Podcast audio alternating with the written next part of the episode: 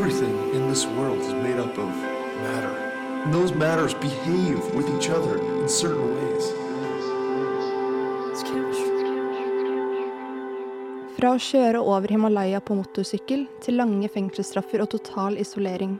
Fra tung rusbruk til å snu opplevelsene sine til det å hjelpe andre mot et bedre liv. Hør Lars Vaksvåg dele av sitt liv og sine erfaringer med egne ord i denne episoden.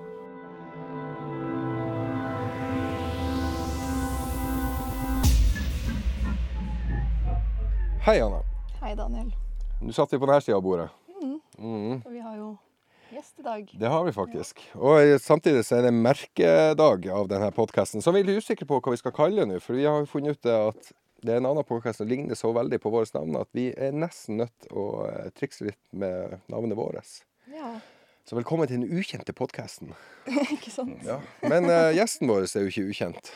Kan vi fortelle litt hvem du er? Jeg heter Lars. Lars uh, Faksvåg, faktisk. Lars Mikael Faksvåg, hvis det skal være helt sånn uh, um, Og hva jeg er kjent for, det er vel uh, litt av hvert forskjellig, både av både innafor og utafor slag, kanskje. Det er ikke helt teit da, men ok, greit. Ja, det er fint. Det er i hvert fall noe, ikke sant? Du, du, du, er- du er jo en mann med mange baller i lufta, for å si det på den måten, da. Du er jo det. Men eh, vi tenker vi kan jo begynne litt fra begynnelsen. Du kan fortelle litt hvor du kommer fra. Hvor jeg kommer fra er jo altså Nå er vi jo Kristiansand, og det var jo her jeg vokste opp. Så jeg har jo vært store deler av livet mitt ute i den store verden. Men, eh, men jeg har vært her nede de siste åtte åra. Eh, bakgrunnen min er litt sånn miksa. Jeg har en, eh, jeg har en far som er ordentlig sånn eh, arbeiderklassebakgrunn det, og så har muttera mi kommer fra embetsmannsslekt. Og, og de traff hverandre inne i Oslo. Han er syv-åtte år eldre enn henne. De gikk på lærerskolen sammen, og de var liksom en sånn, der, eh, en sånn miks som var utenkelig. Men han tok, han tok liksom mot til seg og spurte om å få hånda hos oss. Så, så fikk han det, og så har, de, eh, så har de hatt det utrolig bra siden. Var det utenkelig fra hans vinkel, liksom? Det var utenkelig fra alles vinkler. fordi at på den tida så hadde du jo et samfunn som var veldig sånn lagdelt. Og det å komme fra Flekkefjord, og det å være liksom fra veldig sånn tydelig arbeiderklassebakgrunn, ikke sant. Så, altså, mine besteforeldre de jobba på Telegrafen, og de var, de var sosialister, og de var veldig sånn eh, Det var jo Gerhards generasjon, dette, ikke sant. Og, eh, eh, og, og muttra hun kom fra Majorstua og Frogner. og og det var liksom en helt annen setting. Det var to veldig forskjellige verdener. Så når de traff hverandre, så må det ha vært utrolig mye sånn brytning. Så gjennom min barndom så var det nok de der, på en måte disse forskjellige perspektivene som kom ganske tydelig fram. da. Og det tror jeg egentlig har bidratt i noen grad til at det er denne. Ja, Det er jo sånn, ja, det er jo sånn at jo eldre man blir, jo mer ser man at man er et produkt av, av den bakgrunnen man kommer fra. Ja, det kan jeg, det vil jeg si meg enig med. Også. det er jo, man blir ikke jo 30 sjøl, og det, man begynner å tenke mer og mer at man var 14 Jeg skal faen ikke bli som foreldrene mine, men eh, her sitter man. Ja, det er faen meg helt sant, altså. Ja, ja, det er helt riktig. Ja, man ser seg selv. Jeg ble 60 i sommer. 60. Ja, det blir 60 i sommer, så kan du tenke det. Og det er liksom sånn, da tenker du der, da har du bare liksom et kvarter igjen, men du har ikke det. Da har du enda litt tid igjen. Jeg tenker jo, på. Folk til 80-90. 40-50 år er lang, lang tid da Ja, altså gamlingen min, han er 94 nå. Og, eh, ja, han er det. Men jeg tror ikke det er noe å satse på. Er det ikke det? Nei, jeg tror ikke det. Jeg synes jeg ser, ser litt stusslig ut. Jeg skal fryses ned. Så Ja, det kan jeg tenke skal jeg få tine meg opp når en tusen års tid, når, når teknologien er der. Nei, er klar for en ny Daniel. Nei, vet du, jeg tenker det at jeg har stått jeg har egentlig, det, det, har vært sånn, det har vært sånn bonus for meg så lenge. fordi at jeg skulle jo etter alle solmerker egentlig vært ferdig for lengst, altså. Fordi at jeg har liksom kyssa døden så mange ganger at det er liksom et under at det er. Så derfor så er jeg takknemlig for hver dag jeg får. Egentlig. Og det hørtes litt sånn hellig ut, men det, det er tilfellet. Men man må være takknemlig, tenker jeg. Eh, du, du, du, vi kjenner jo hverandre fra før, jeg og du. Og vi har jo jobba i lag bl.a. på, som vi skal prate om litt senere, Røver Recovery-prosjektet. Og, det. og der har du brukt å si en ting som jeg har faktisk tenkt veldig ofte på sjøl i vanlig hverdag. At man må um, øve på å utøve takknemlighet. Og den syns jeg er veldig fin, da. Ja, det handler jo det om at disse gutta som, eh, som jeg har som jeg har fulgt da gjennom tre, tre og et halvt år, eh, de har en sånn tendens da til å se feil og mangler hos hverandre. Um, og det handler jo veldig mye om å få fokus bort fra seg sjøl. Uh, at man på hele tida går og irriterer seg over sider og trekk med andre, som stort sett er ens egne problemer. da. Altså sånn, Vi ser jo oss selv i andre, det er jo det det handler om i veldig stor grad. da. Men, uh, men liksom sånn, hvis så lenge man kan ha fokus på andre, så slipper man å gjøre noe på en måte med sin egen situasjon. da. Så derfor så har vi snakka mye om det der med å praktisere takknemlighet, og spesielt når situasjoner og sånn er vanskelige. Um, når man liksom står i det til halsen. Eh, så er det grusomt lett å på en måte bli blenda av alt det som på en måte er negativt.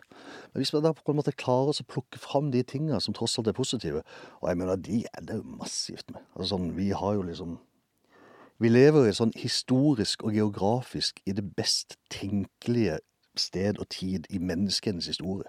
Altså vi, liksom Å leve i Norge nå, altså det er jo liksom Det er jo jackpot til de grader. Vi kan jo velge å gjøre akkurat hva vi vil. ikke sant? Og da er det trist at vi ikke klarer å skape et samfunn hvor alle bedre kommer til sin rett, tenker jeg altså. Eh, men, eh, men jeg tenker selv, selv når du på en måte er Selv med et dårlig utgangspunkt, så har du masse, masse muligheter i bare rett og slett med å være født der hvor vi er født. Og det er mm. Det er helt sant. Um, nå snakker du litt i nåtid. Kan vi gå litt tilbake og Ja, ja. snakke om hvordan du har blitt Ja, så, per i dag? Ja, altså sånn Jeg har jo denne fantastiske diagnosen, ikke sant. um, den ADHD-en som gjør at jeg på en måte Jeg hopper og spretter. Jeg har, jeg har jo veldig sjelden klare sånne veldig sånn Jeg har ikke veldig strukturerte tankebaner. Så derfor så blir det mye sånn Det blir liksom litt sånn, sånn som Ja, sånn, ja, ja. Så men det starter med, med bakgrunnen min. Ja, altså jeg har, um, jeg har tre søsken som alle er har embetseksamen og klart seg veldig bra i livet. Og så har du meg som på en måte ramla utafor ut veldig tidlig. Um, og, og som absolutt har levd langt, langt utafor det etablerte samfunnet i veldig, veldig mange år. da. Um, ikke bare fordi at jeg har sittet tolv år i fengsel og vært noen år på institusjon, og sånt, det, men fordi at um, fordi at jeg på en måte snudde ryggen til det etablerte veldig tidlig. da. Um, og var liksom utafor. Men når jeg begynte å nærme meg 50, sånn 10-12-14 år siden, så tenkte jeg at eh, nå er det egentlig på tide å stikke fingrene i jorda. For da begynte livet mitt å gå liksom på repeat. Da hadde jeg gjort de tingene jeg holdt på med så mange ganger at jeg tenkte dette er meningsløst. Så da snudde jeg, og så, eh, og så har jeg på en måte vært veldig sånn innafor etablissementet eh, Det var litt morsomt, for at jeg snakker med gutta røverne, som vi kommer tilbake til. Jeg snakker med dem om, om det å være innafor og være utafor og sånne ting. I forhold til stigma og sånn som det. Og så, og så gikk det opp for meg at i den samtalen hvor jeg snakka hele tiden om vi, ikke sant. Vi som på en måte har blitt uh, tråkka på, vi som har blitt forfulgt, vi som alt det der. Og så, og så var det en av de som sa ja, det er jo ikke vi, altså, du er jo, du er jo innafor. Du er jo på en måte, du er jo en av de. Og det var litt sånn, sånn veldig sånn Har jeg blitt det, liksom? Har jeg blitt en av de? Men det skal jeg aldri bli. En av de, altså de vanlige, vanlige mann i gata, Ja. typ. One of the square ones. Square ones. Ja, ikke sant? Straight. Men eh, hvor, hvor du, du sier at du har vært utenfor samfunnet. Hva som førte deg dit? Har du alltid vært sånn rebelsk, eller? Ja, det tror jeg egentlig. Altså, jeg tror kanskje jeg hadde mye sånn eh, Mye sånn eh, autoritetsfrykt da jeg var liten. Um, som skled over i et slags autoritetshat etter hvert når jeg ble ung. Og um, Hva kom det av? Jeg vet ikke, den dagen som det gikk opp for meg at egentlig så var det ikke noen som hadde noe de skulle sagt. Egentlig så fantes det ikke noen regimer som kunne fange meg opp hvis jeg bare gjorde som det passet meg. Ja. Um, og da var jeg jo ikke så veldig gammel når jeg fant ut av det. Og etterpå det så gjorde jo jeg som det passa meg. Vel vitende om at det var ikke noen egentlig som kunne fange meg opp. da. Og um, du kan si dette på 60, dette er jo på 70-tallet. På 70-tallet så var samfunnet litt mer um, fleksibelt enn det det er nå. Nå er det mye barnevern og PP-tjenester og sånne forskjellige ting. Og, men du vet, den gangen så var det jo ikke det. Den gangen så var det sånn barnekultur, ikke sant. Um, det som vi kidsa gjorde Jeg vokste opp utenfor byen her et sted som heter Justvig.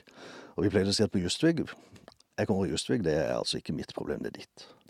Um, det var et ganske sånn der eh, Ja, det var et sånn Et samfunn i samfunnet som var litt sånn der eh, hårete og egentlig veldig kult sted å, å vokse opp. Og fra jeg var fem til jeg var 15, så, så bodde jeg på Justvik. Og, um, og, vi, og da var vi sånne store gjenger som holdt på med ting ute i skauen. Vi hadde sånne stammekriger, og vi bygde sånne store hytter og sånn. Og, Og, og ingenting av det som vi holdt på med, var det noen foreldre som var engasjert, eller visste om, eller hadde noe forhold til. Når jeg kom hjem, så var det ingen som spurte meg hva, som, hva vi hadde holdt på med. ikke sant? For vi var jo egentlig bare ute og lekte eller noe sånt. der. Veldig annerledes kontra i dag hvis du ja, du ser ungen springer rundt med kniv i dag, i 10- og 11-årsalderen, så er jo barnevern og hele greia nesten på døra rett etterpå. Er Ja, ja. Veldig kontrast, da. Ja, jeg fikk luftgevær da jeg var ti, og det var fint. Det var bra. Og tollekniv hadde jeg så lenge jeg kan huske. Men, eh, men jeg en gudsønn, da, eh, som nå har blitt eh, Som nå blir 16. Og da han var sju, så fikk han en kniv. Og da han var åtte, så fikk han en luftpistol, og da han var ni, så fikk han et luftgevær. Fordi at jeg tenkte det var kult for han å ha. Men det var liksom ikke sånn helt innafor. Jeg fikk litt sånn på pes for det, altså. Fatteren hans likte ikke det noe særlig. Så, så han kom opp til meg og brukte det. Ja, ok. Kom til gudfaren, er fri, fri Ja, Ja, Ja, kult. Fri dressur der oppe, vet du. Det høres jo ut som Du sa jo det at eh, man blir forma av foreldrene sine, men det høres jo også ut som du da har blitt forma av stedet du er fra, egentlig. Ja, det er helt riktig. Mm. Fordi at det er nok eh, Det å vokse opp der ute Det var veldig bra. Det var virkelig det var veldig, veldig bra, fordi at det var så Det var, fantes ikke noe som var organisert. Det var et håndballag. Eh, det var, men det var ikke noe sånn Det var jo det var ingen organiserte aktiviteter. Sånn at vi måtte på en måte finne ut av tingene sjøl.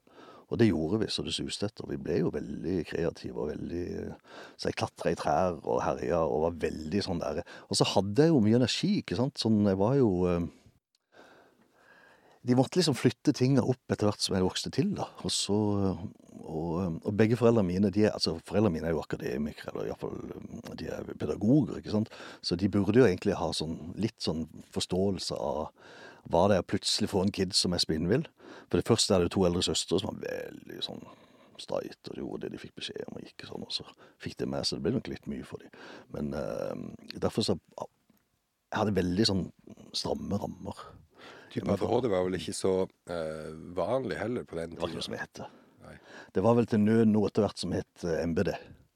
Og det var jo, ja MBD er på en måte det som på en måte er forløperen for eh, ADHD. Fordi at eh, ADHD, som alle andre sånne eh, psykiatriske termer, er jo, er jo, det er jo konstruksjoner.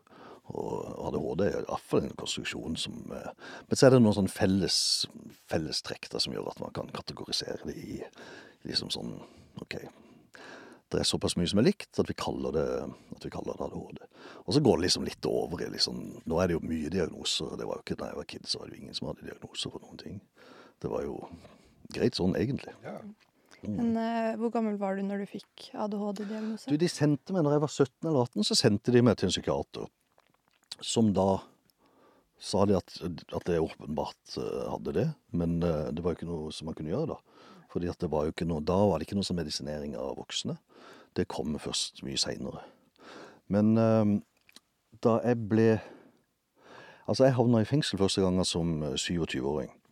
Eh, jeg vet ikke om det er sikkert, det var tidlig eller sent, jeg er ikke sikker på, men da fikk jeg en tiårsdom som jeg satt og sona fra jeg var 27 til 35.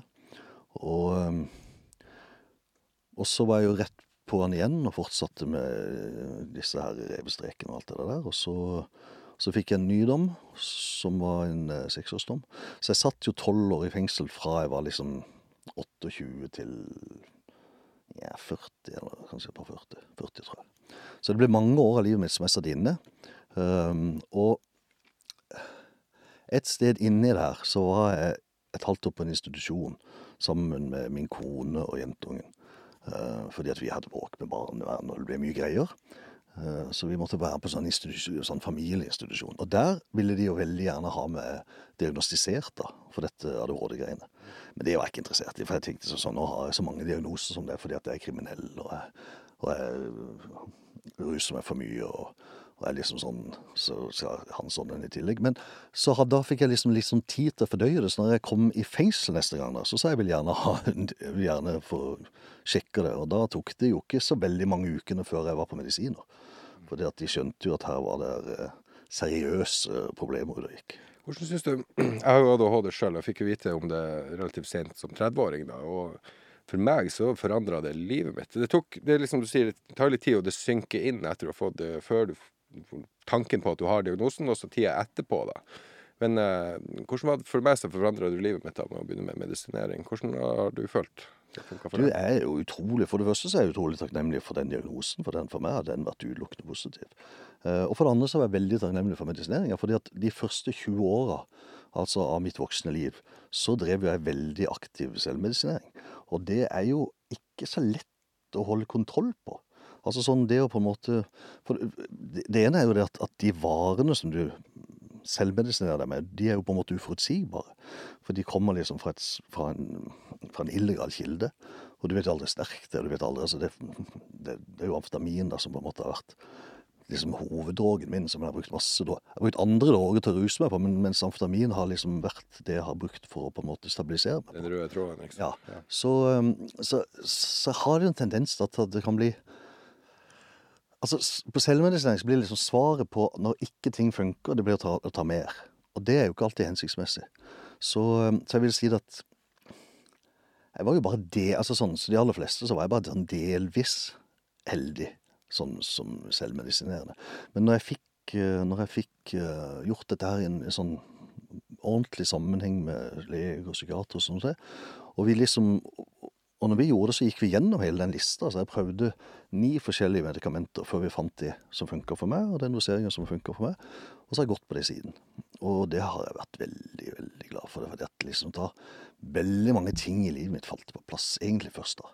Det er ganske mye stigma rundt den ADHD-diagnosen ennå, merker jeg jo sjøl. Jeg får jo òg kommentarer på at nei, du bare er interessert i de medisinene dine. Det er Hvorfor skulle du ikke være det? så på ett plan så er man jo det, selvfølgelig, for det hjelper meg jo. jo Men de tenker jo bare det, nei, du ruser deg jo bare. Men tingen er den at eh, Amfetamin er i utgangspunktet ikke amfetamin noe rusmiddel i det hele tatt. Det er et prestasjonsfremmende middel. Og du skal bruke det ganske sært for at det skal kunne bli et rusmiddel. Altså sånn, altså sånn du, skal bruke, du skal overforbruke det ganske intenst da, for at det skal kunne funke som rusmiddel. Ellers funker det egentlig Altså det er jo sånn, Jeg går ut fra at her på denne institusjonen så er det noe man bruker til eksamen og sånne ting som det. Så var det iallfall i min tid. Når folk skulle lese eksamen, så, så brukte de pepper. ikke sant? Og... eh, Studdy buddy. ja, ikke sant. Akkurat. Uh, så, um, så, altså det, så det, i utgangspunktet er det ikke noe rusmiddel. Og for det andre så er det jo det at, at uh, spesielt når du har diagnosen, da, så funker det jo uh, litt sånn annerledes. For meg så har det jo liksom den der eh, Det gir meg fokus.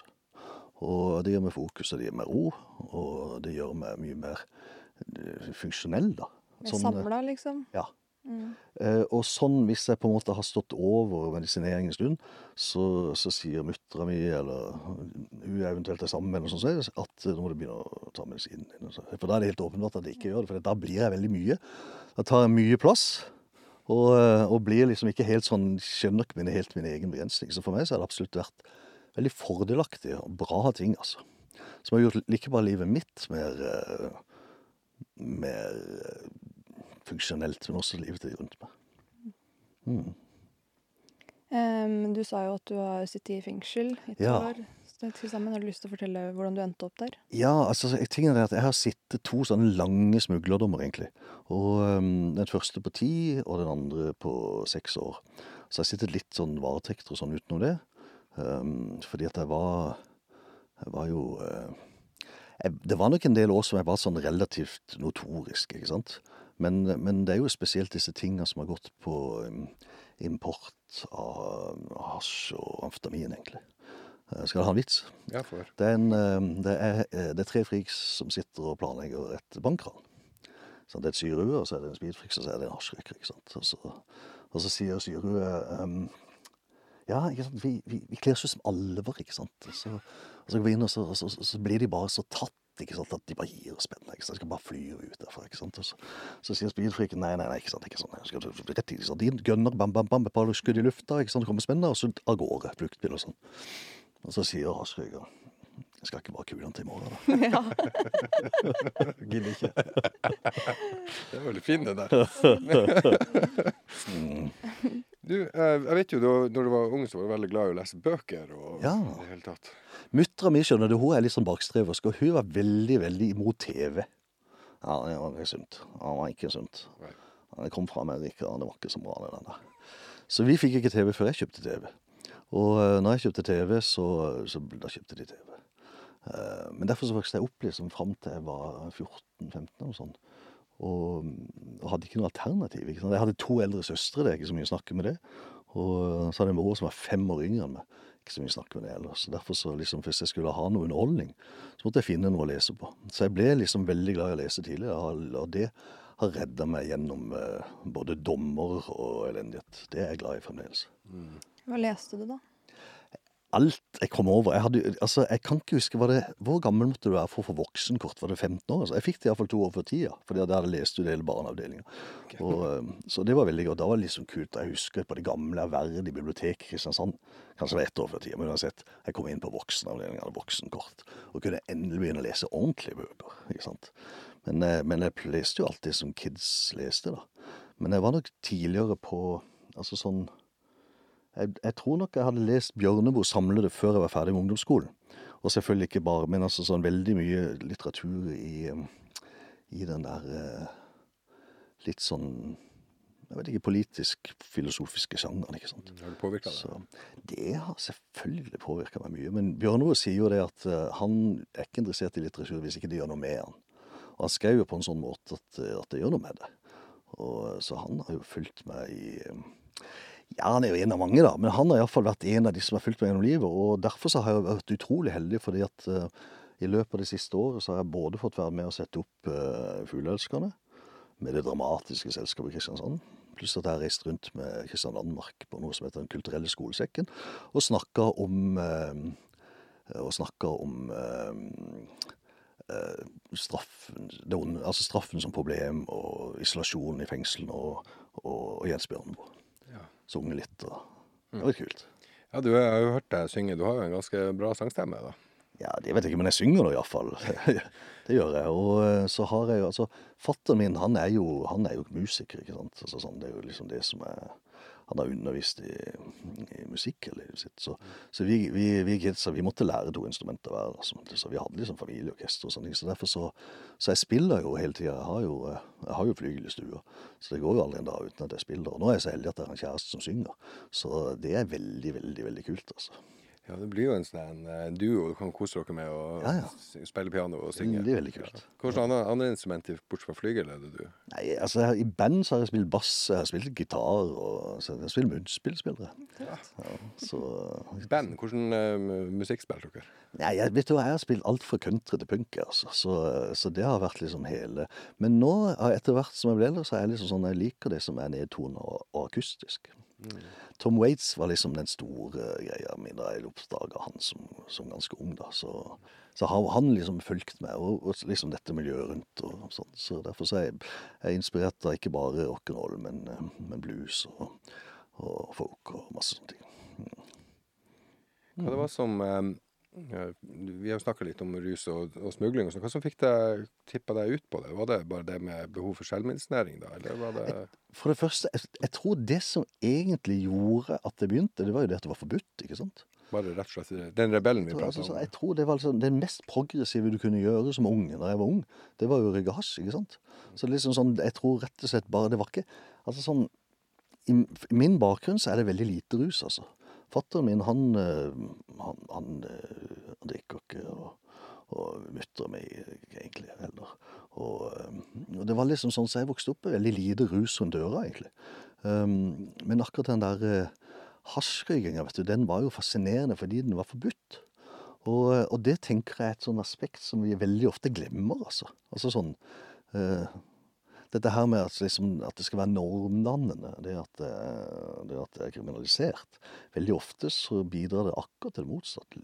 Veldig ofte så bidrar det til det motsatte. Kanskje vel så ofte. Stor rød knapp. Ja, for meg var det iallfall det. Og så, og så etter hvert så fant jeg veldig roen på den hasjrøyka. Jeg røykte veldig mye hasj i veldig mange år. Og så eh, Men så var det en som kom med noe pepper en gang, og da var jo liksom jeg da da hadde jeg på en måte funnet meg sjøl. Da. Altså sånn, da traff jeg jo meg sjøl for første gang, egentlig. Fordi da fikk jeg den der den store roen. Også. Men jeg har brukt masse forskjellige rusmidler. Jeg har brukt rus helt sikkert negativt og destruktivt i lange perioder. Men, eh, men i forhold til sånn normal sånn avhengighetsproblematikk, som det som jeg snakker om, så har jeg aldri vært mer avhengig enn at jeg har på en måte kunnet slutte på dagen når det har vært behov for det. Og du kan si det er alle de åra som jeg alle de åra som jeg på en måte var smugler, da. Og så var det sånn at når du var på jobb, da, så var du på jobb, og da brukte du ikke noe. Så da hadde du liksom eh, Da måtte du liksom hoppe av, da, og så hoppe av den tida du var på jobb, og det kunne jo kjapt bli noen måneder. Så da- Eh, hvordan endte du opp med å begynne å smugle, da? Var det det miljøet du Det som er tingen, er det at vet, i og med at disse I og med at stoffene er illegale, så er det jo veldig bra. Altså sånn illegale og etterspurte, så er jo det selvfølgelig sånn at hvis man har litt sånn Hvis man har litt sånn eh, Hvis man er sånn kreativt innstilt, da, så, eh, så blir man jo lett en del av den greia. Og eh, jeg vokste opp på sjøen, ikke sant. Vi var på sjøen fra jeg var liten. ikke sant. eh, Sånn. Og, eh, så jeg hadde liksom et forhold til sjøen ikke sant, så tidlig. Så jeg begynte, sånn, jeg begynte med, med båt tidlig. Så, så det ble jo sånn Først så det var tomt for varer, da var ikke jeg da var ikke så veldig gammel første gang det ble tomt for Jeg skjønte ikke hvorfor det skulle være tomt for varer. Liksom, hva var det for noe tull? Pytontid, husker jeg de kalte det. Pytontid. Pyton, ja. De kalte det pytontid, liksom. Da var det ikke noe. Sånn, eh, Mm. og så eh, så, så da begynte jeg liksom litt sånn forsiktig butikk, da, sammen med en eh, kompis. Og så utvikla jeg seg. Så eh, Først så henta jeg varer i Oslo, og så ble det jo at å hente varer i Danmark. ikke sant? Fikk noen kontakter i Århus først, og Aalborg. Og så, og så eh, etter hvert så ble det jo at en reise til Nederland og henta tinga der. og Spesielt eh, Seilbåt. eh, Eller bil. gummibåt først. Gummibåt. Jeg hadde en 19-fots eh, bombard som, eh, som jeg tror jeg hadde mange turer over, sjø over eh, til Danmark med den. Og så eh, når du skulle til, til Nederland, så, så var det jo alltid spørsmål liksom, skal du ta det med bil til Danmark og så over med båt. ikke sant? Eller skal du ta det fra Nederland og opp? Så vi gjorde nok litt av begge deler. Så, men da var jo seilbåt inne i bildet allerede. Og så var det Spania også. Så har det vært enda lenger enn det også. Hvordan, altså, hvordan, hvordan klarer du å holde Du må jo ha en eh, Når man har såpass mye illegalt da, og driver og seiler rundt med det, må jo ha litt puls involvert. Hvordan er det egentlig? Du kan si det at det tar iallfall bort litt av gleden med å seile. så um, Nei, altså, det, altså sånn Jeg vet ikke, det var jo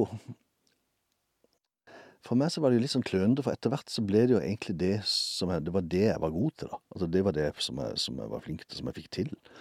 Uh, og jo lenger jeg holdt på med det, jo mindre fikk jeg til andre ting, egentlig. Altså sånn, Iallfall trodde ikke at jeg fikk til andre ting. Uh, så jeg satt liksom litt sånn fast i det der. der. Uh, og så røyka jeg jo inn på Svell som uh, 27-åring. Så da fikk jeg en tiårsdom og satt da i 7-8 år. Satt jeg var 35. Hva du ble tatt for? Jeg tror jeg ble dømt for 8 kilo amfetamin, som i dag ville gitt kanskje fire år eller noe sånt. Mens den gangen da ti år, fordi at det var kanskje den største sånn bare amfetaminsaken som hadde vært i Norge til da. Jeg tror bare det var Jonas Wold og sånn som var liksom før eh, Så det ble liksom en sånn presedensdom. Så vi fikk jo så hatten passa, vi fikk jo drøyt mye for noe som egentlig bare er Altså, amfetamin, hva er det for noe? Det er liksom eh, den derre energidrikken som kidsa drikker nå.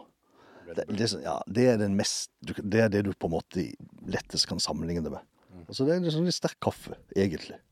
Um, som du også kan misbruke. Du kan godt døgne på litt sterk kaffe. ikke sant?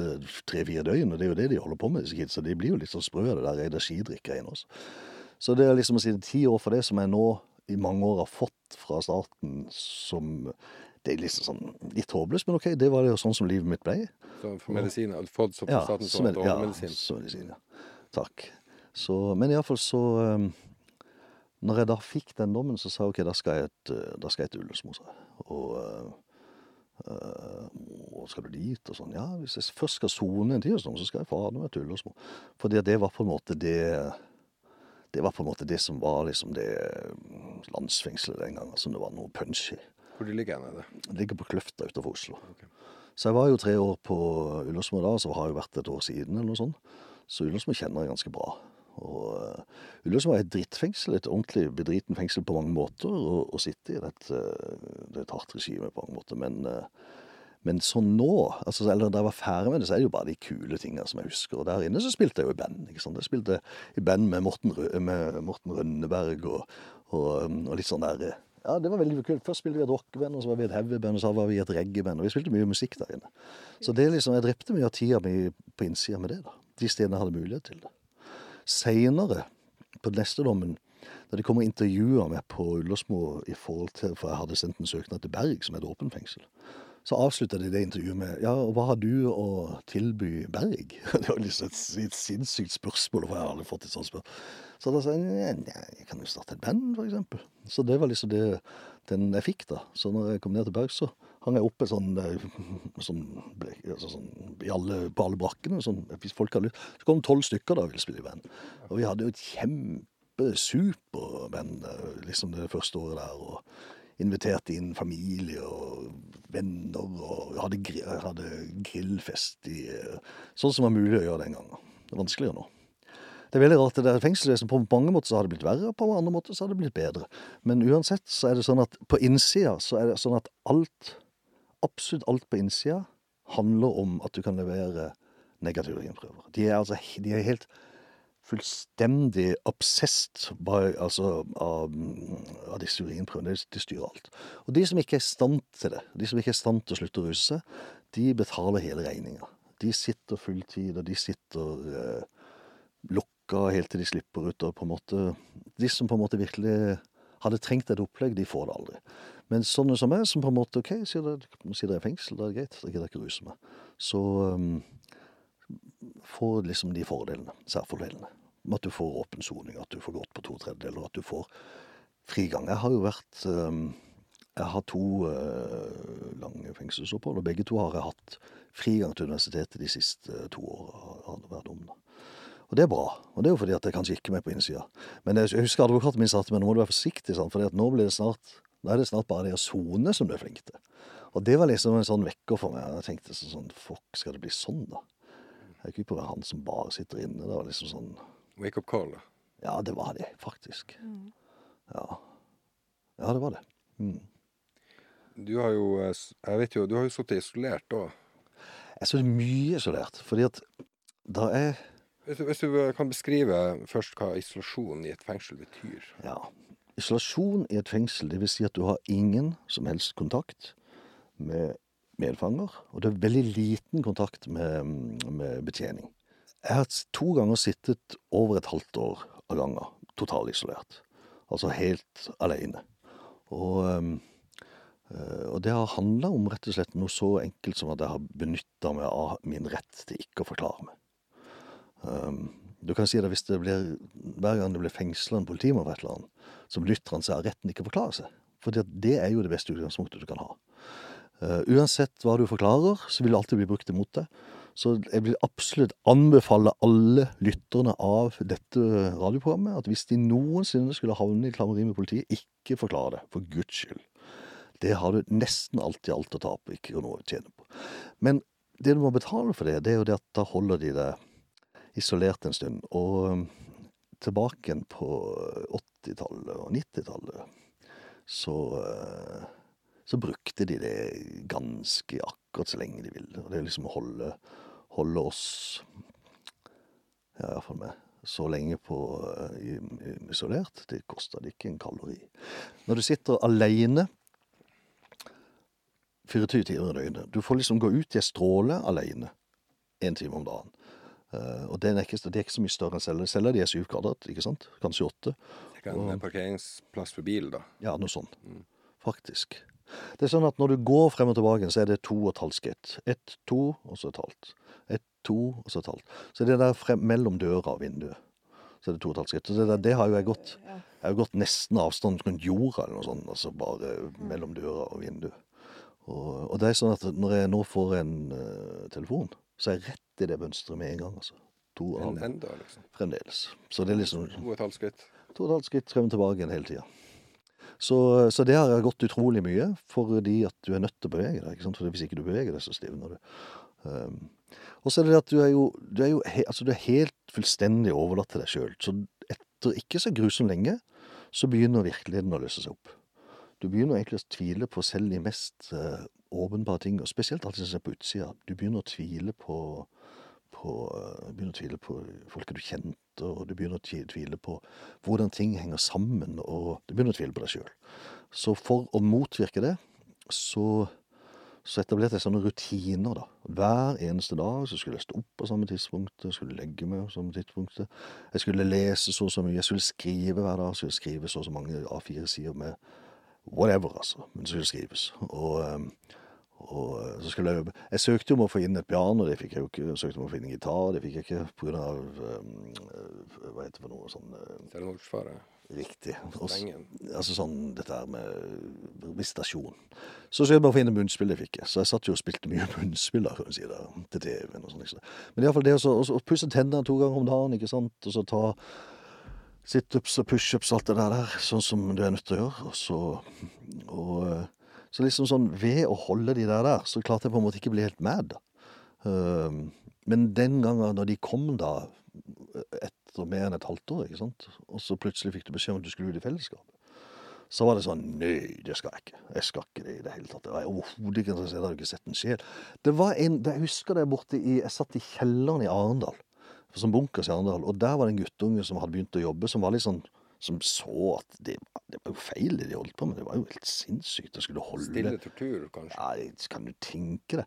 Så han var liksom sånn at eh, noen ganger så stopper han liksom opp og når han kommer med middagen, eller kom med, De kommer med mat, middag, så, ikke sant? så kom de med noe De var jo innom noen ganger i løpet av dagen med sånne forskjellige ting, da.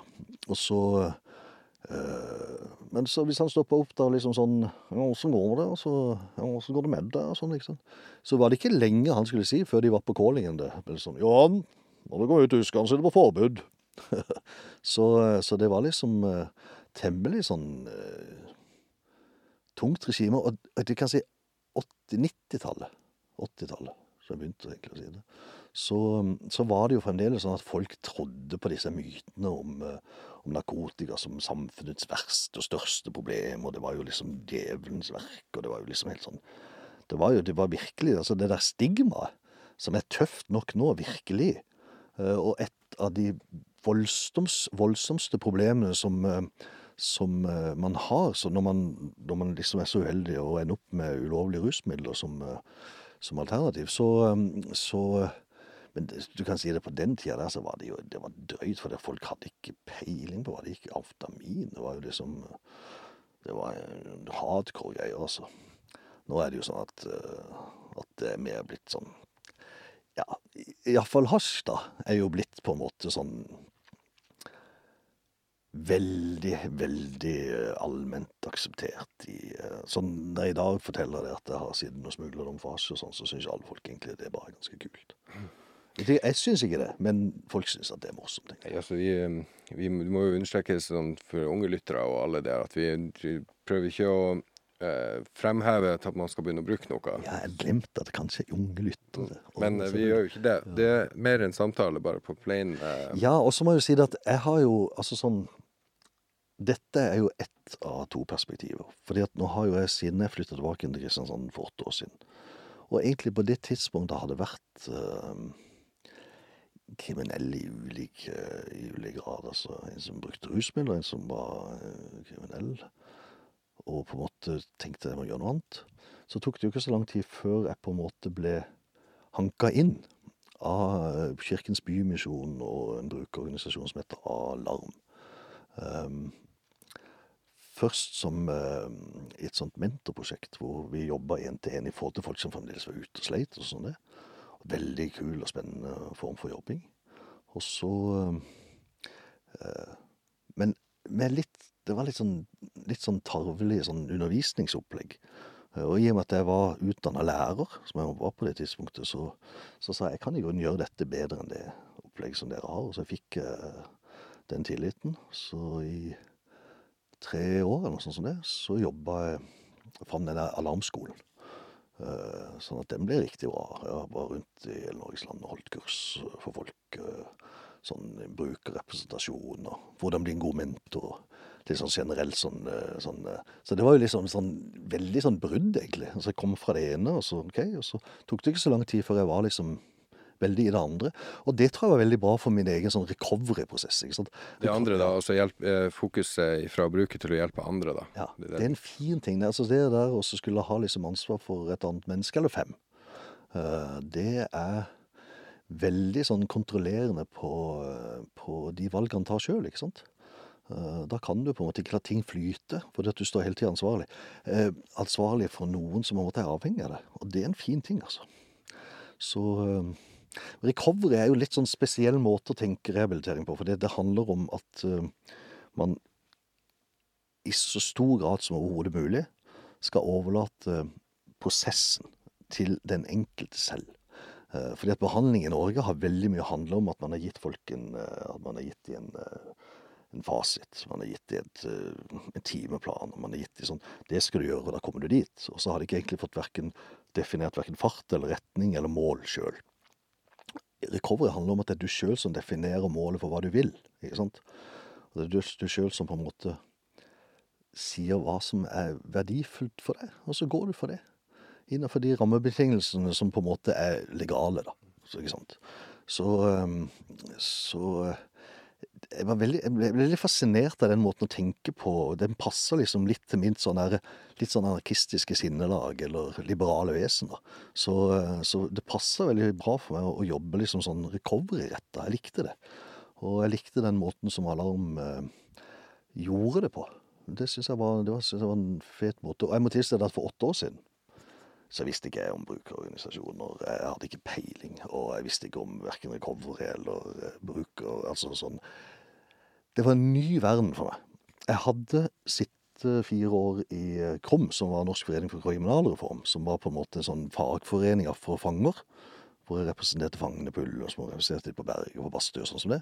Ble liksom fangenes talsmann, da. Og det er liksom sånn fordi at jeg var så frekk i kjeften, ikke sant. Så, så, um, så Og det gjorde at jeg på en måte satt uh, At jeg satt i dette krum der sammen med Thomas Mathisen. Så gikk jeg jo på kriminologien, og tok et mellomfag der. uh, på, den, inne, altså. på den første dommen min. Det var det du gjorde med pedagogikken. Det var, nei, for den første dommen min så, hadde, så tok jeg en, eh, en, eh, en bachelor på Universitetet i Oslo. Og på den neste dommen min så tok jeg lærerskolen på, i Tønsberg, på, på Eik. Så eh, ja, Det vil si, jeg ble jo ikke Altså, jeg gjorde, gjorde det ferdig etter at jeg slapp ut, da. Men jeg begynte, påbegynte da jeg satt inne. Så, så det var gode år, det, altså. Jeg vil si at de, eh, det er helt absurd at vi putter folk i fengsel. Det, det er helt meningsløst å putte folk i fengsel. Men hvis du først skal putte i fengsel, så må du iallfall gi dem muligheten til et eller annet sånn som det. For det vil jo si at de beste åra mine inne var bedre enn de verste åra ute. eh, Fordi at jeg fikk de mulighetene jeg gjorde, og noen rammebetingelser som gjorde at jeg var nødt til å følge opp. Så det var ikke så kleint for meg. Og det er litt det samme som når jeg hadde holdt på med dette ala- alarmskolegreiene i tre år, vært mentor og sånt som det, så ble jeg så ble jeg satt til meg inn som sånn regionleder. Fordi at hun som var regionleder fikk eh, Jeg vet ikke, møtte vel veggen eller et eller annet sånt. Så sånn på veldig kort- tid så fikk jeg det. Så sa jeg det kan jeg fint, det kan jeg gjerne gjøre i et år. Men det er ikke min greie, det der å skulle sitte med budsjetter og skjemaer og sånne ting det. Det passer ikke så bra for meg, jeg er ikke noe flink på det. Eh, Jeg har blitt veldig flink til å skrive søknader etter hvert, da, det må jeg si.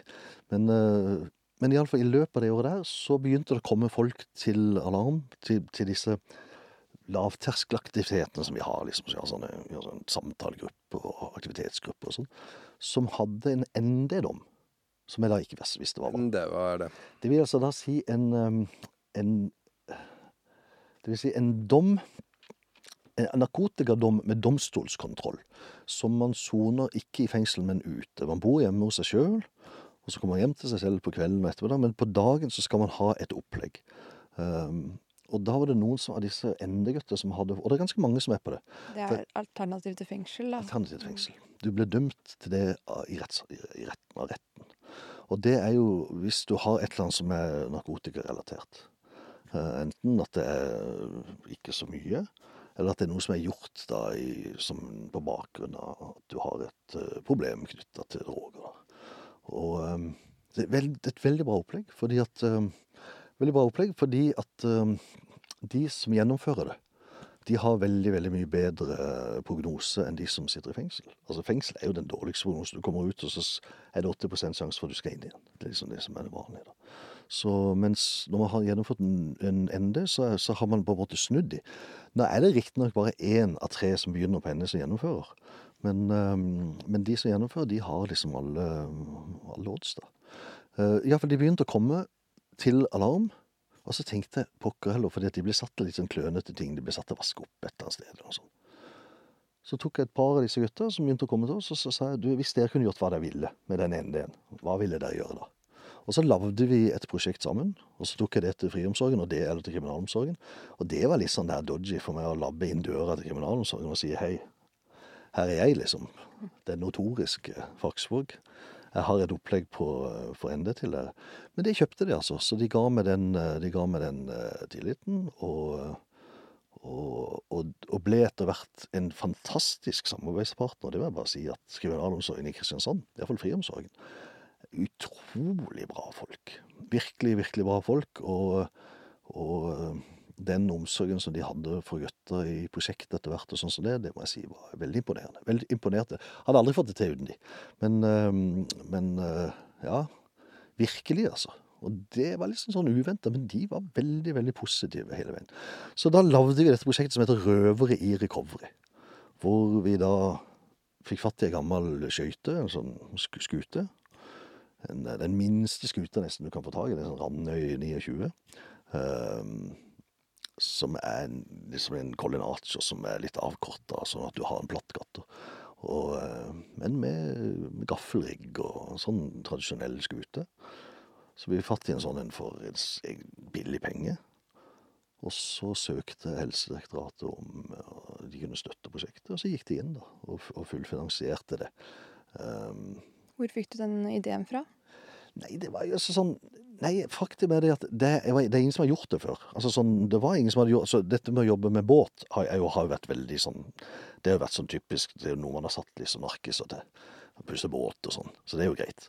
Men, um, men det var jo det at når vi satt og så liksom Hva ville det helst gjøre? Jo, de ville gjerne jobbe noe kreativt. De ville gjerne jobbe med noe som de kunne lære noe av, hvor de kunne bruke de ressursene de allerede hadde. Og sånne ting. Og da ble det liksom sånn jeg har holdt på veldig mye med motorsykler, jeg har holdt på mye med musikk, og så har jeg holdt på mye med båt, selvfølgelig.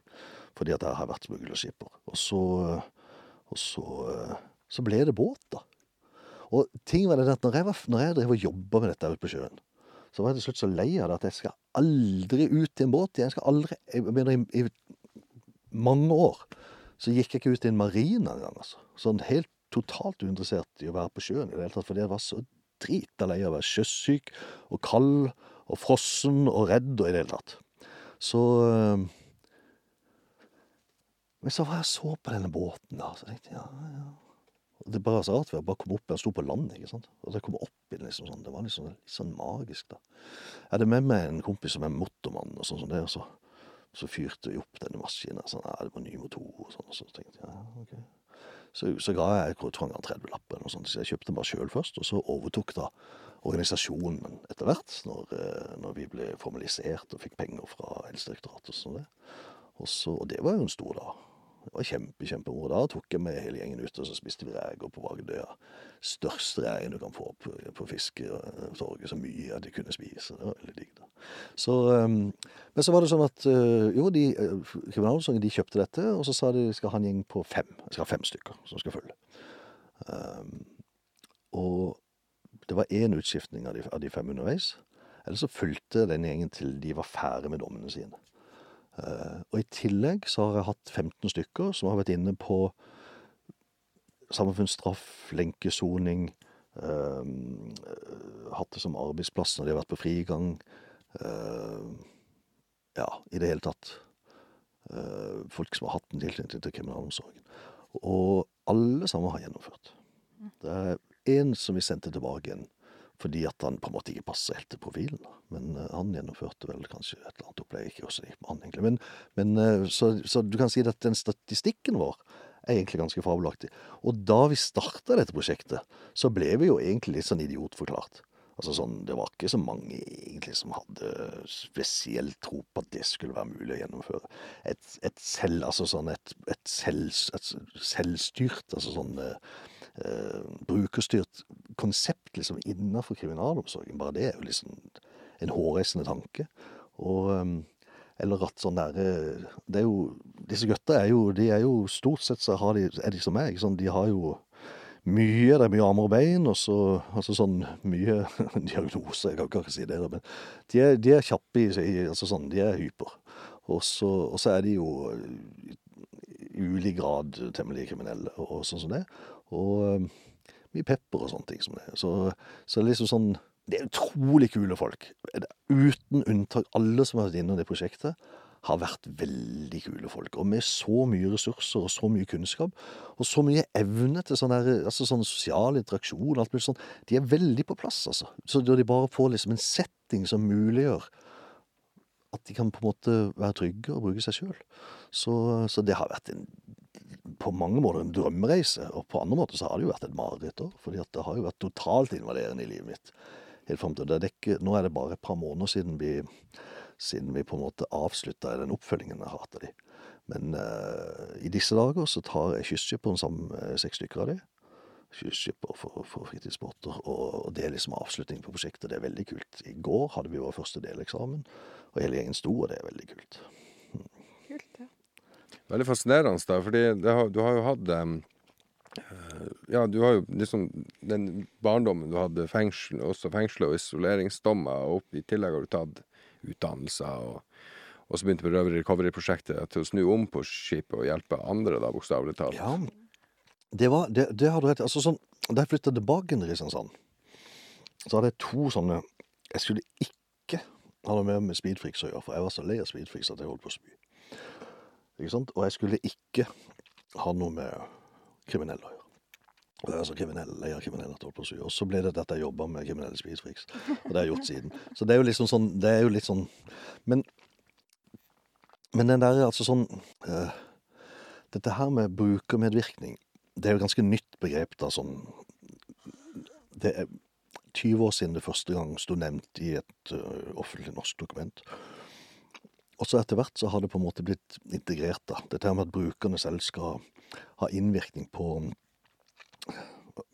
på, på sin egen altså sånn på sin egen situasjon, da. Eller som pasient så skal du på en måte få innvirkning på, på din egen eh, tilfriskning, da, ikke sant. Um, både i, både i somatikken og, og, i psykiatrien og sånn som det.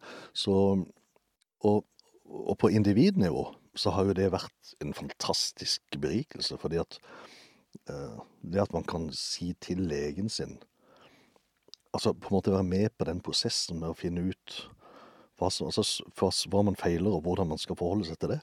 Uh, før var det sånn at når du kom inn på sykehuset, fra det øyeblikket som du var på sykehuset, så visste du ikke, du visste ikke hva som feilte deg, og du visste ikke hva som skulle skje med deg. Alt skjedde liksom over huet på deg. Altså sånn Du var på en måte bare en sånn kjøttklump som ble kjørt rundt. Nå har man i mye større grad liksom sånn kontroll- og medbestemmelsesrett i forhold til den, ut, utdanninga, jeg, i forhold til den behandlinga man får. Og det er en veldig bra ting. Det gjør at helsevesenet funker mye, mye bedre av at, uh, at, på denne brukermedvirkninga. Nå er det sånn at selv, selv kriminalomsorgen bruker folk med fangeerfaring eh, som, eh, som, referansepersoner når de på en måte skal gjøre, ta nye grep. da. Og det er jo ganske fabelaktig, tenker jeg. Det var jo temmelig utenkelig den tida som jeg fremdeles satt i fengsel. Da var det jo sånn at ble jo, jeg ble jo isolert og satt, satt en del isolasjon rett og slett fordi at vi hadde sånne ja, vi hadde streiker og vi hadde protester og, og sånn som det. Det var jo viktig. Viktig det å kunne se seg sjøl i speilet og vite at du har gjort det du kunne, liksom. Jeg tror det var derfor jeg på en måte var sånn noenlunde forankra da jeg slapp ut etter den første lange dommen. Så Men så, så man virkelig en sånn kul greie, og det Det at jeg har et annet perspektiv på hvordan disse gutta har det, hva som på en måte, hvor skoen trykker, og og hva som kanskje kan være hensiktsmessig å, gi, rom for. På bakgrunn av den erfaringen jeg har sjøl. Det er jo helt åpenbart at det er det er det mye mat i. Og så, så har det hjulpet litt av det at, eh, at jeg også har altså Grunnen til at jeg har fått lov til å holde på det, er fordi at jeg også har en slags faglig basis. Det har kriminologien har vært et superbra fag å ha i bånn. Også det at jeg er pedagog, da. Um, men det har vært veldig underordna i forhold til den der egenerfaringsbiten. Fordi at det er ikke noe disse gutter på en måte har vært igjennom som ikke iallfall har et slags sånn parallell forståelse. Og så har jeg aldri gått inn og sagt at du bør gjøre ditt og du bør gjøre datt. Um, fordi at det er det dummeste man kan gjøre. Sånn, folk er nødt til å finne ut av tinga sjæl. Uh, de er nødt til å til og med stille de riktige spørsmåla sjøl, altså. altså sånn, først da på en måte kan de tenke at de kan bli rom for, endringsprosesser. i den grad det er nødvendig. Altså så kan si det at, det at folk er kriminelle, det er alltid, det, er alltid negativt. Så det der, å liksom å bli kvitt det Bli kvitt liksom det der eh, kriminelle vedtek. Altså sånn, Jeg var to ganger i behandling, eller var tre, tre ganger i behandling, og alle tre gangene fikk jeg beskjed om at det var ikke rusmidlene som var mitt problem, men det var det at jeg var så veldig kriminell i tankegangen. Og det tok liksom tid for meg å på en måte dreie fra, fra kriminell og til normal, da. Eh, men jeg hadde iallfall med meg et slags sånn verdigrunnlag fra bånn, da. Mange av, mange av de jeg har møtt på innsida, de, de er jo tredjegenerasjons uh, rusavhengige eller kriminelle eller hva du vil for noe. Det er klart at hvis du på en måte blir lært opp til å stjele butikken fra du, før du begynner på skolen, så er det vanskelig å skulle på en måte integrere ærlighet i livet sitt. ikke sant? Bryte sirkel, liksom. Ja, det er ikke sånn Det blir liksom en sånn Du er gjennom en ganske kraftig prosess, iallfall. Uh, det som var felles for disse gutta, det var jo det at de ville noe annet med livet enn det de holdt på med. De var lei av å gå ut, ut av fengsel. Ikke sant? De var lei av å stå på repeat og sånn som det. Men de ville ikke egentlig bli rusfrie. Altså sånn rusfri i den forstand at, uh, at, de aldri mer skulle bruke noe rusmiddel i det hele tatt. Um, og da tenkte jeg sånn Jeg kan jo ikke påtvinge noen tanken om, uh, om uh, kontinuerlig rusfrihet hvis det er ikke er det de vil.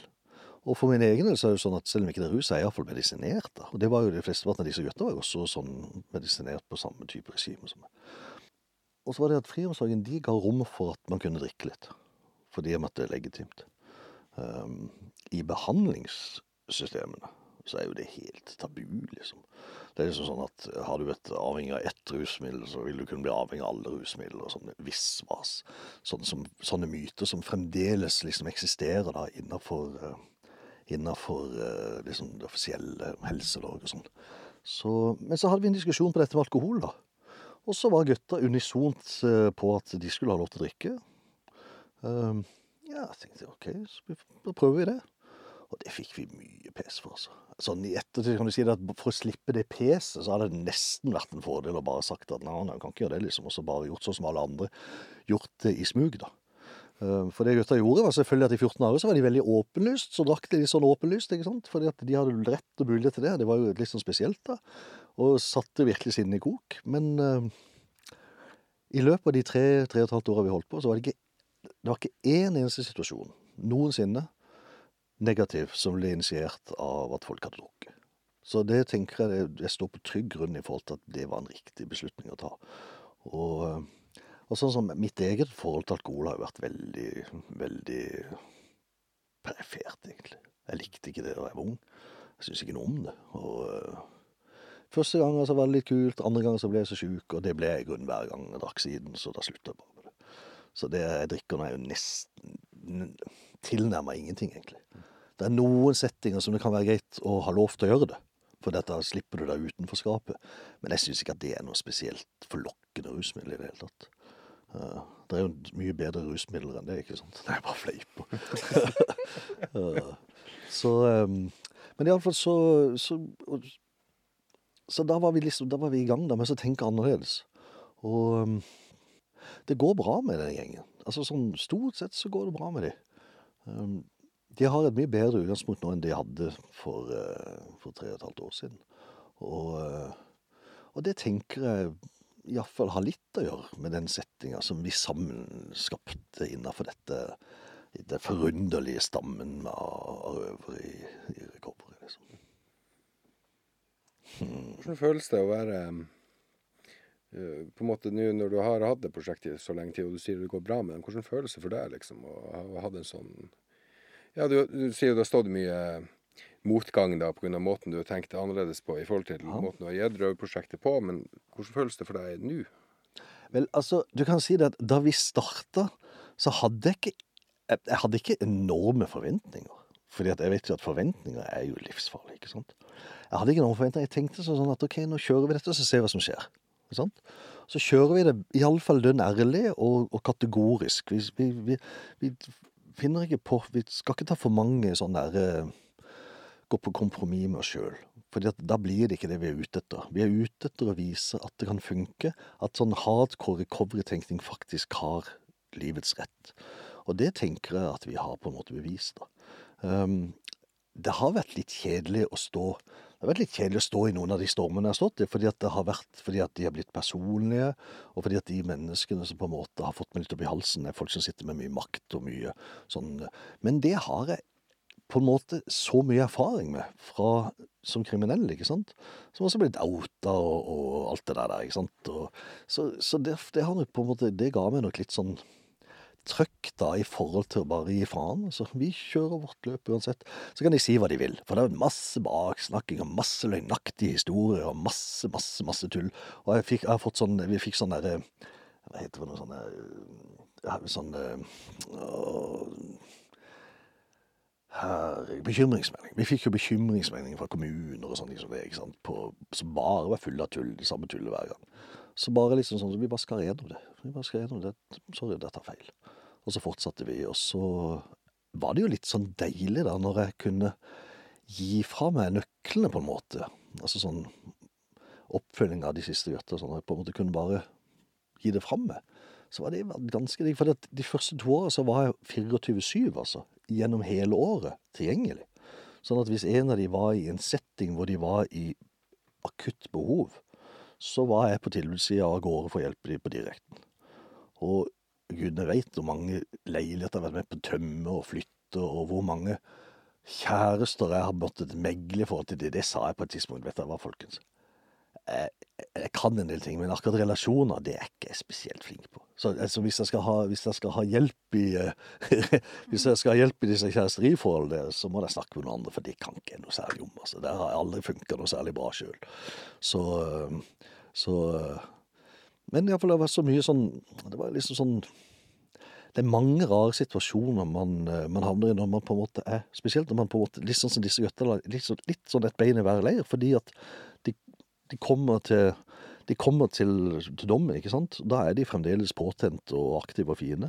Og så blir de da avrusa og og, og får ting på plass sånn der eh, i forhold til rusutfordringene sine. Og så begynner de å få ting på plass i forhold til kanskje økonomiske utfordringer. Og så, og så blir tinga litt bedre etter hvert. da. Men, eh, men allikevel så har du jo det gamle miljøet og sånn. Det jo, kommer jo på døra di fremdeles. Og du bor jo det samme stedet som du bodde da du var aktiv og sånn. Så det er liksom et sånn det er vanskelig prosjekt. Men jeg så jo det at de i større og større grad trakk til hverandre. da. De brukte, de brukte hverandre for det det var verdt. Så fint. Så, ja. Um, ja, dere drev jo med den seilbåten, og du har seilt mye, og du sa da at du hadde vært i Danmark og Nederland, Spania. Um, har det blitt litt reising på deg i livet? Ja, det har jeg gjort mye. Mm. Jeg har vært heldig sånn. Nei, selvfølgelig noe reising som har vært liksom hjemmets medfører, det er jo ikke sånn veldig mye å snakke om. Men, eh, men jeg, har reist, jeg, har reist, et år i, eh, i Statene. Oh, det var veldig fint. Hva gjorde du der? Mm? Hva gjorde du der? Reiste, egentlig. Jobba litt, og så dro jeg videre. Så jeg kjøpte en bil, en gammel bil og reiste rundt med. Og da var jeg jo ikke mer enn 18 år gammel. Så, så det var liksom så, jeg, så når de andre dro i militæret, så dro jeg til staten. Og jeg hadde nok et bedre utgangspunkt enn det de hadde. I ettertid så kan jeg bare være lei meg for at jeg ikke gjennomførte et opplegg i marinen eller sånn som det. Fordi at jeg har måttet lære tinga på egen hånd, da. Ikke sant? Så mye jeg kunne lært i marinen. Men, eh, men jeg dro da iallfall til starten. Og så, så reiste jeg i eh, Europa et år. Reiste til Afrika, og så har jeg jo vært eh, et par år ja, Iallfall halvannet eller noe sånt oppe i Himalaya. Tre sesonger i, i Nepal. Og så og så har jeg vært ti sesonger i India og kjørt motorsykkel. Så jeg har kjørt motorsykkel så langt syd, nord og øst og vest man kan komme. Til og med kjørt over de tre høyeste passene i verden. Og det er jo eh, det er det mat i. Og det er ikke så mange år siden. Det er faktisk bare Er det tre år siden eller noe sånt? To og et halvt år siden tre, Nei, tre og et halvt år siden er det, ja. Eh, og, eh, og, det var jo veldig, veldig kult å, gjøre det, liksom sånn. For det, det var jo sikkert 20 år eldre enn nestemann som på en måte Som jeg møtte iallfall på turen. da. Hvordan, hvordan, gikk det her for seg? Hvem var du på tur med? Og... Du skjønner at jeg har, jeg har kjørt mye motorsykkel sammen med et, et, en motorsykkelklubb den Goa som heter Goa kafé. ikke sant? Og, så, og, det er liksom sånn Det er en ganske sånn kul gjeng, da. De, de skal ikke ha noe sånn der eh, Altså, Kali det er svart, og Gora det er liksom på en måte det er hvit. da. Og de skal ikke ha noen sånn Gora-drittsekker blant de. Så er den liksom den eneste vestlige som har fått kjøre sammen med dem. Eh, Men jeg ble, jeg ble kompis med en av de, og så ble jeg invitert med på tur. Og så syntes de andre at jeg var kul nok, da. Selv om jeg var mye gamlere, og motorsykkelen min var utgammel i forhold til deres. og sånn som det. Så eh, jeg husker den første gangen jeg var på tur med de, så var vi Jeg tror vi kjørte sammenhengende 15-16 timer. To sånne små brekk.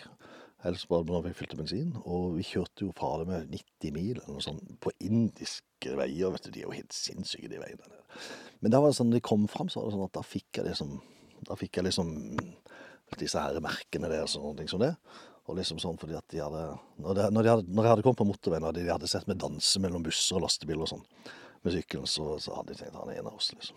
Så det er kult. Litt De er stolt av det. Men iallfall en av de gutta der som er som er andre styrmann på et stort, stort eh, skip. Det er hans eh, sivile yrke. Eh, Han jobber på et skip fra Saudi-Arabia. Og, um, og inderne er jo veldig gode sjøfolk. Utrolig bra sjøfolk. Eh, og så han er jo sånn at han er ute fire måneder, så hjemme fire måneder. sånn som det. Så han hadde satt av tid til å reise opp i Himalaya sammen med meg. Og han kan språk og sånn. Så, så det er Det gjorde det jo veldig greit for meg. Sånn, så jeg reiste opp til, um, jeg reiste opp til, uh, um, til fjellene. Jeg så sånn på foten av fjellene, så jeg venta på han, da. Og så i Manali. Og, så, og da ble jeg på en måte litt sånn akklimatisert, for det ligger på sånn litt under 2000. Og um, sånn så venta jeg der i kanskje en måned, tre uker eller sånn. Og så kom han, og så hadde de åpna passet. Det, det er sånn, Hvis du skal inn, i, inn til Ladakh og sånn, så er det liksom sånn, det er snødd inne mesteparten av året. Det er bare noen måneder liksom på sommeren som det er mulig å komme seg inn dit. Um, men da hadde de nettopp åpna passet dagen før, så sa jeg til dem vi bare drar. sa jeg. Og da hadde jeg betalt bestukket en tjenestemann skikkelig kraftig for å få lov til å bruke den gamle motorsykkelen min. Som jeg hadde brukt rundt hele resten av India. Og så, og så, og så dro vi inn, og det var jo helt utrolig. Det var, det var jo helt sånn der Fuck. Det var, det, vet du hva, jeg har reist mye, men det var kanskje den mest magiske reisen jeg har vært på. Og så har jeg reist veldig mye til sjøs. Mye til lands, men ikke så mye i fjellene. Altså sånn, ja, jo, jeg har, jeg har trekka tre ganger i, i Nepal, men, men, men det, var, det var fantastisk. For det første, det å reise på motorsykkel, det er den beste måten å reise på. Nesten uansett hvor det er, og spesielt i Østen. For det at i Østen, hvis du er på en måte litt sånn, overlatt til, offentlig transport, og sånn, så, så går du glipp av alt det som er kult. Og bil er ikke så kult å kjøre inn i, men motorsykkel fantastisk kult å reise på. Så, eh, nei, så den turen der over eh, gjennom, eh, gjennom Himalaya opp til Tor, Tor, altså Tormula, det er liksom sånn sted jeg har drømt om Nei, det ligger rett med Kashmir. ikke sant? Kashmir allerede som ung hasjrøyker, så var jo Kashmir det var veldig sånn myteomspunnet og sånt som det. Hvor høyt var du? Altså, det høyeste passet i verden, det er vel på 5500, tror tror jeg. 5500 meter. Og, og det er ganske høyt, altså. Og da er lufta temmelig tynn. Men det gikk veldig bra, altså. Sånn, det må jeg si. Det var mange som fikk uh, høydesyke og sånn der oppe.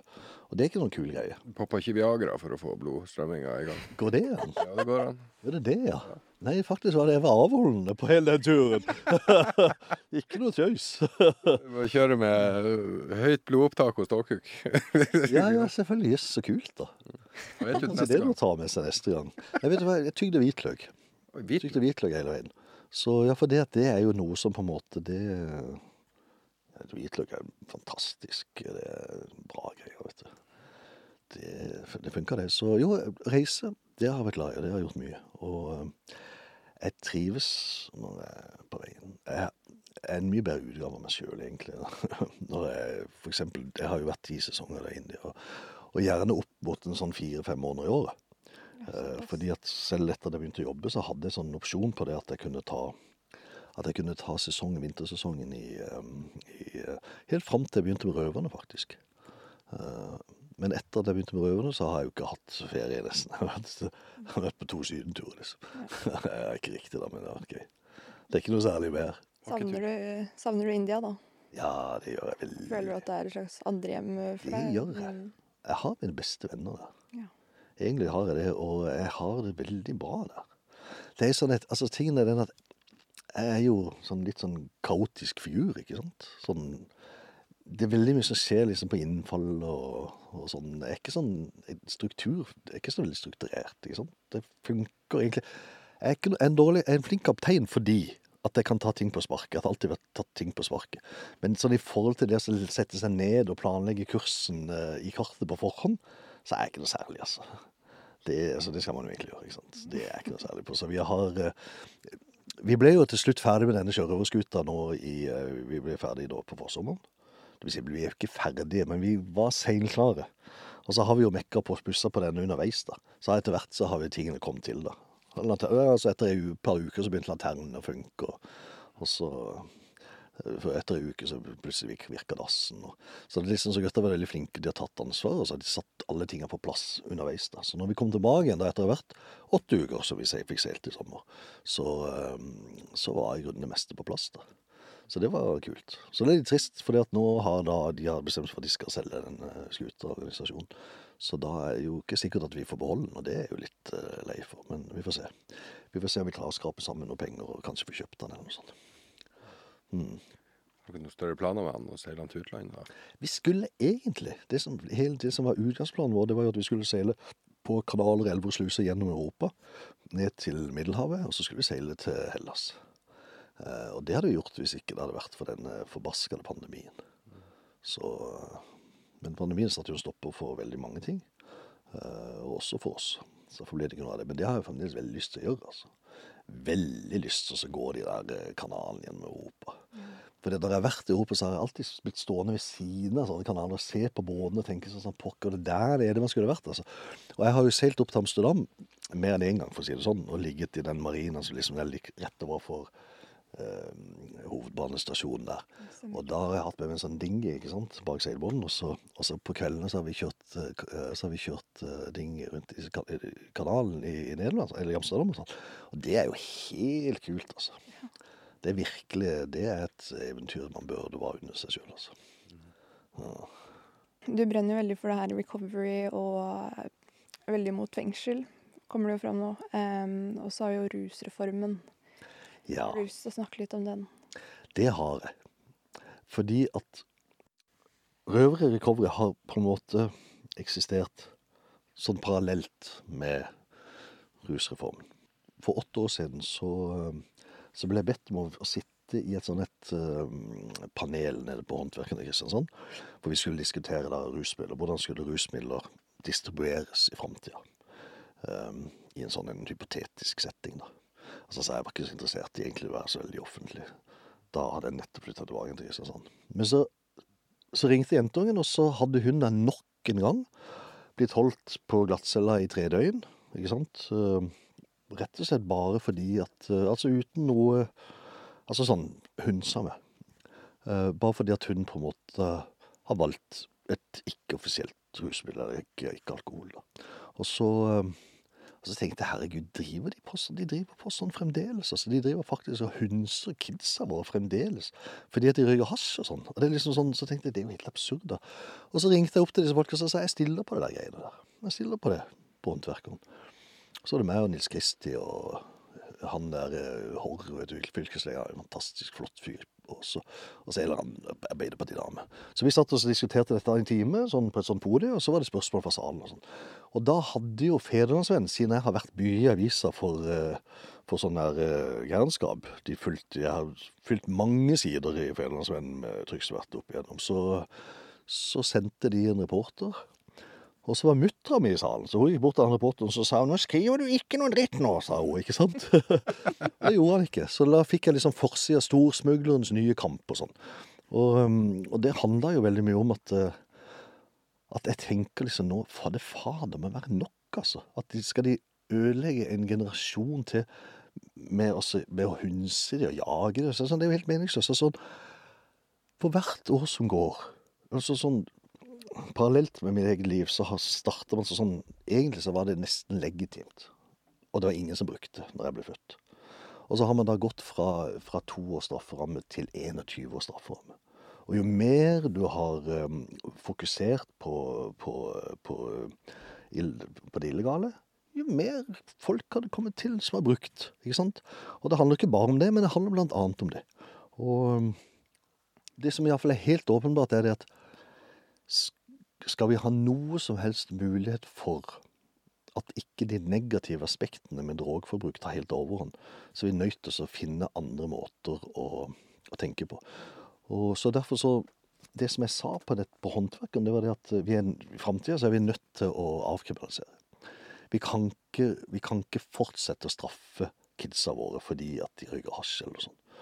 Og, og da fikk jeg så mye negativ på det. Fordi at det var liksom litt sånn jeg Fikk så mye negative greier på det. Men så gikk det jo et par år, og så plutselig så var jo folk Veldig mange var jo på den rusreformen, og det er jeg jo veldig glad for. Sank litt inn, nesten.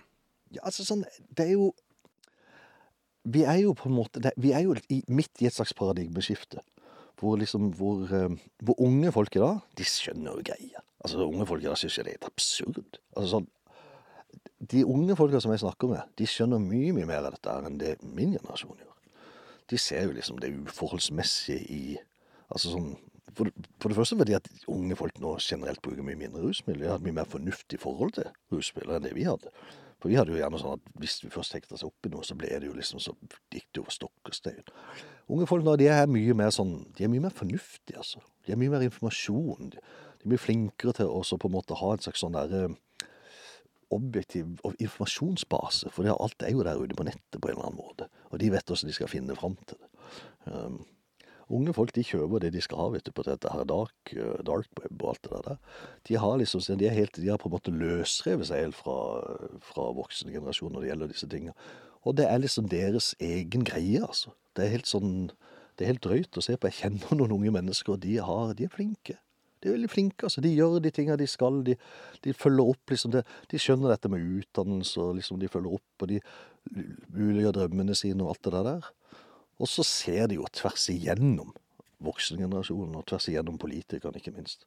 Um, jeg tenkte sånn sånn Når jeg begynte å jobbe med, når jeg å jobbe med folk som hadde rusutfordringer, så så jeg det at den utfordringen som var den vanskeligste for dem, i veldig mange tilfeller, det var jo ikke drogene i seg sjøl, men det var alle de konsekvensene som var av at det var kriminelt. Alt, alle de ekstrabyrdene som kom av kontakt med politiet og sånn som det. At det på en måte var hovedproblemet deres, ikke nødvendigvis drogene. Altså se mennesket bak, eh, bak, bak stoffene, i stedet for å se, se på bare på stoffene som brukes? Ja, altså det, kan, det, når, når man, Hvis man skal overlate liksom på en måte hvis man skal overlate dette i hendene på politifolk, ja, ok, så vet vi åssen det går. Og om ikke rusreformskampen har gjort noe annet, så har han i alle fall kledd av politiet ganske så kraftig. Altså dette samrøret mellom eh, Norsk Narkotikapolitiforening og, og politietat og sånne ting, det er jo, det er jo, helt, det er jo helt meningsløst. Altså sånn, det er jo at, at en maktorganisasjon som på en måte skal være ansvarlig for lov og orden, så til de grader tramper over det sjøl. Altså sånn måte blir en stat i staten og gir fullstendig faen i hva som er legitimt og hva som ikke er legitimt. Det syns jeg er helt forferdelig. Jeg syns ikke det er bra. Uh, og jeg har truffet noen politifolk som har vært bra. Jeg har truffet noen politifolk som har vært veldig bra, som har vært ordentlig bra folk. Men de har ikke akkurat vært i flertall. Altså sånn, Det er veldig sånn, det, det er ikke så jeg, jeg tror det å være snut og ikke bli helt sånn sosialisert inn i en sånn nære tanke Vanskelig, altså. Veldig, veldig vanskelig. Så det var jo liksom sånn Da de nedsatte dette her rusreformsutvalget, Høie, eh, helseminister, eh, Høyremann, eh, sa de at vi er nødt til å gjøre ting annerledes, så var jo det en veldig sånn Det var en utrolig løft, ikke sant? Og, og jeg så liksom disse gutta, disse stigmaene som de har levd med, de var kanskje det verste utfordringen de hadde på veldig mange områder. Den der den måten som de så seg sjøl på, i lys av hvordan andre så de. Uh, at det på en måte virker uh, Den bidrar til å holde folk fast i de settingene som de er, i de posisjonene som de er i. Så, så, derfor så ble det liksom helt naturlig at vi hengte oss litt på dette med rusreformen og sånn. Og det gjorde vi. Og um, og vi var på Vi var jo rundt på, for si, på forskjellige sånn kongresser og sånne ting og snakka om recovery, og da fikk vi alltid liksom skutt inn litt om rusreformen. Og vi var på kriminalpolitiske konferanser, og vi liksom var litt rundt forbi. Vi var sågar helt på slutten inn og demonstrerte foran Stortinget dagen før de skulle foreta dette skjebnesvangre valget om å ditche hele rusreformen. Så eh, Jeg var med deg der. Det var mye folk. ja, jeg er du gæren. Det var, det var sterkt å være der. Og så var det der dagen etterpå så gikk liksom, liksom litt sånn lufta ut av oss, fordi at vi hadde vært så veldig, veldig på. Fordi det hadde vært så viktig, liksom. Altså alle de stemmene som plutselig ble hørt i den tida. Folk som kom og fortalte historiene sine om overgrep og, og, og mishandling fra, fra systemets side, som aldri hadde turt å si et ord om det før. Um, det ble liksom sånn Det var, det var en slags sånn vekkelse nærmest i disse brukermiljøene som var helt fantastisk å se på. Fordi at folk var i ferd med å på en måte gjenvinne stolthet og, selvverd og egenfølelse og sånt. Og så ble de da sparka i trynet av Arbeiderpartiet, og det er jo forferdelig trist. Ja, selvfølgelig også Fremskrittspartiet og Senterpartiet. Men Fremskrittspartiet og Senterpartiet forventer vi ingenting fra, fordi at vi vet at de er idioter. Mens Arbeiderpartiet ikke sant? Jeg, har- stemt på Arbeiderpartiet, jeg har stemt Arbeiderpartiet inn til og med åtte år med Stoltenberg, uten at det skjedde en dritt. var jeg med på å sette Stoltenberg på stolen, men jeg kommer aldri til å stemme Arbeiderpartiet igjen. Jeg syns det er helt Jeg syns det er så meningsløst nedslående, det der sparket som de har gjort, gitt brukerne i trynet nå. De sier at nei, de skal straffes. De skal fremdeles straffes. Altså, du skal straffes fordi at du enten har et seriøst problem i livet ditt, ikke sant? Eller fordi at du velger noe rekreasjonelt som, som, som ikke er alkohol. Og alkohol er jo virkelig, uten sammenligning, den farligste drogen vi har. Og, og ikke minst i sammenheng med andre stoffer, så er den jo, er den jo dødelig, ikke sant. Så jeg syns at det er helt Altså sånn Objektivt sett så er det ikke en eneste rasjonell grunn for å ha en sånn ruspolitikk som det vi har. Det blir moralisme, og det å skulle få måte fatte lover med basis i moralisme, det er liksom sånn Det burde vi for fader ha kommet oss videre fra. Det, gjorde, det har vi gjort, ikke sant, i forhold til, det har vi gjort i forhold til eh, andre marginaliserte grupper tidligere, og så har vi klart å ta oss inn, ikke sant. Eh, så nå tenker jeg, nå var det egentlig Nå var det egentlig på en måte rusfolket sin tur, men det ble det altså ikke. Tror du det kommer? Ja, selvfølgelig. Helt er, Vet du hva? Det er like selvfølgelig som at, eh, som at sola fortsetter å komme opp om morgenen. Fordi det er ikke noe alternativ. Det er bare ikke noe alternativ. Det er ikke snakk om om det kommer, det er snakk om når det kommer. Og nå er det jo i tillegg til altså sånn Avkriminalisering er jo én ting. og det, I tillegg til det så er det jo en massiv legaliserings eh, sånn på gang. Nå har jo, ikke sant eh, Canadierne har jo legalisert cannabis, og halvparten av statene Og eh, i, Tyskland, disse partiene som nå har dannet samarbeidsregjering i Tyskland, er alle enige om at de er nødt til å At cannabis iallfall må distribueres eh, fra det offentlige. Fordi at man er nødt til å kunne gi varedeklarasjon, og folk er nødt til å vite hva de får, og, og ikke all den der dritten som oppstår når, er, når man er i et illegalt marked. Det er jo helt, helt fokka at, at vi gir kriminelle liksom Altså vi gir kriminelle liksom eh, enerett på å, å skulle distribuere droger, og så, og, så, og så sitter vi som samfunn igjen bare med negative konsekvenser av det. Norge er jo Europas overdosemekka, da. Verdens. Verdens. Ja, det er helt drøyt. Altså I forhold til befolkningen så ligger vi på den absolutte toppen. Og så sier helseminister Toppe at nei, det har ikke nødvendigvis noe sammenheng med kriminalisering å gjøre. Hun er jo bare helt fullstendig en katastrofe for dette landet. Jeg lurer veldig på hvordan det skal gå hvis hun blir sittende i stolen der i fire år. Og så er det, det, det disse- bindingene mellom avholdsbevegelsen og sånn, ikke sant. De kristne, organisasjonene, avholdsbevegelsen og sånn. Og, og disse politikerne som sitter bare og pøser på midler til de, altså. De har altså sånn aktis, disse folka. De har altså så mye spennende, de vet ikke hva de skal gjøre med de. Og så bruker de de da egentlig bare til å, iallfall i denne situasjonen, til å gå imot politikernes, eller regjeringens politikk. Hva er de redd for? Jeg vet ikke. Redd for å åpne øya, tenker jeg. Redd for å se virkeligheten for hva den er. Eh, Fordi at alt dette som de snakker om, liksom, hensyn til ungdommen og alt det der, det er jo eh, Det er jo visst så spesielt når du har sittet på innsida, når du har sett hva fengselet gjør av skadevirkninger mot folk, og det er helt drøyt. det, det, det er virkelig drøyt, altså. Så eh, også liksom sånn, Det nevnes ikke, det snakkes ikke om det. er liksom sånn, Nei, jeg syns det, jeg synes det er drøyt. Men det er min historie. Absolutt. Mm. Du, det var en, bare en sånn ting jeg må bare Du sa i en bisetning i stad, så ble jeg litt nysgjerrig på det. Du sa du har trekk, eh, over fjellene i Nepal. Kan du Ja. si litt kjapt om det? Du kan si det at jeg var jo eh, i begynnelsen av 20-åra, kanskje når jeg var 22, 23, 24 år, så reiste jeg og var sånn tre-fire måneder, kan jeg tenke meg ganger. Um, kanskje enda litt mer òg. I, uh, I Nepal. For Nepal det var jo liksom sånn Allerede fra jeg var, fra jeg var liten kid ikke sant? og leste Mitt skattkammer og sånn, det, så var det liksom sånn dette her med fjellene og sånn, det var veldig fascinerende. da.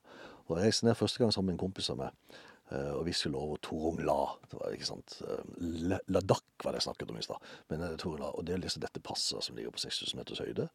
Og, eh, og det var jo et eventyr å liksom, ta på seg sekken. Første gang jeg reiste ned, hadde jeg jo 30 kilo sekk. vet du, holdt jo på å drepe meg sjøl fullstendig. Neste gang jeg reiste ned, hadde jeg 20 kilo sekk. Fremdeles for mye. Siste gang jeg reiste ned, så hadde jeg 12 kilo. Det var fint. Ja.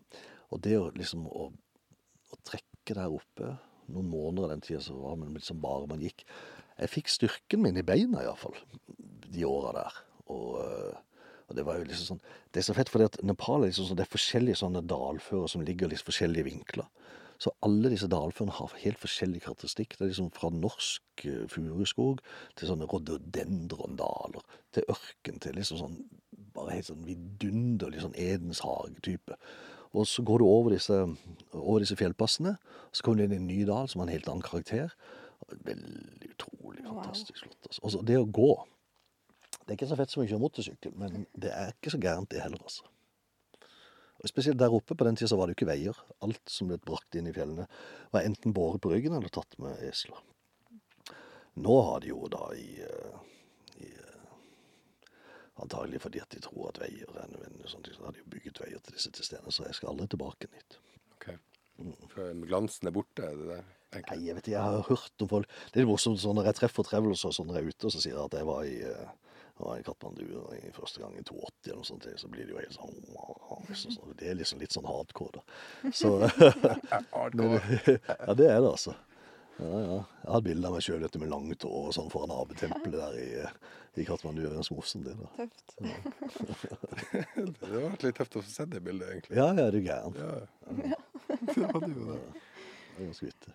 Har du, eh, hvordan føler du, Willy? Føler du har fått dekka det vi skal? Ja. Skulle spørre deg om det samme. Ja. Det spør vi jo hverandre, men eh, Jeg må jo si takk for at jeg ble invitert. ja, det er en god glede. Ja.